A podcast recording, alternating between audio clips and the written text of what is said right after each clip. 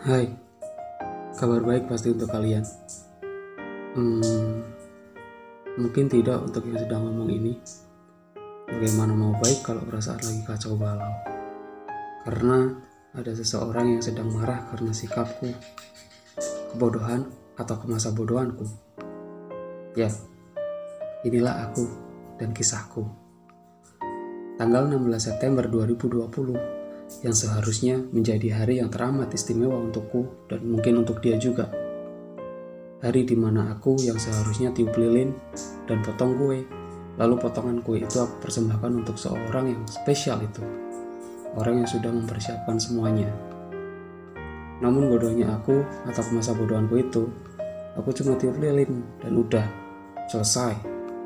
Ternyata saat itu pula ada hati seseorang yang bergejolak menahan amarah. Ya, seseorang itu dia, pacarku. Sumpah, aku udah nggak tahu.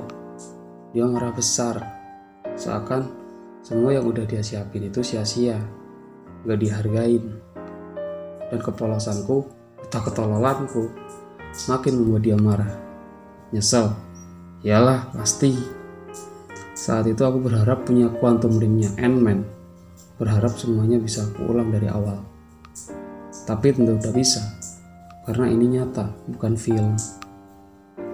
Yang bisa saya harapkan hanya Tuhan. Dia yang mampu membolak-balikan hati manusia.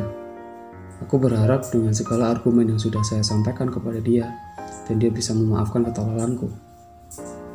Dan kembali menjadi dia yang hangat, dia yang perhatian, dan dia yang menyenangkan. Sumpah, kalau aku bisa ngulang, aku pengen peluk dia di depan teman-temannya kemarin cium keningnya dan aku bakal bilang selamanya sama aku apa pun itu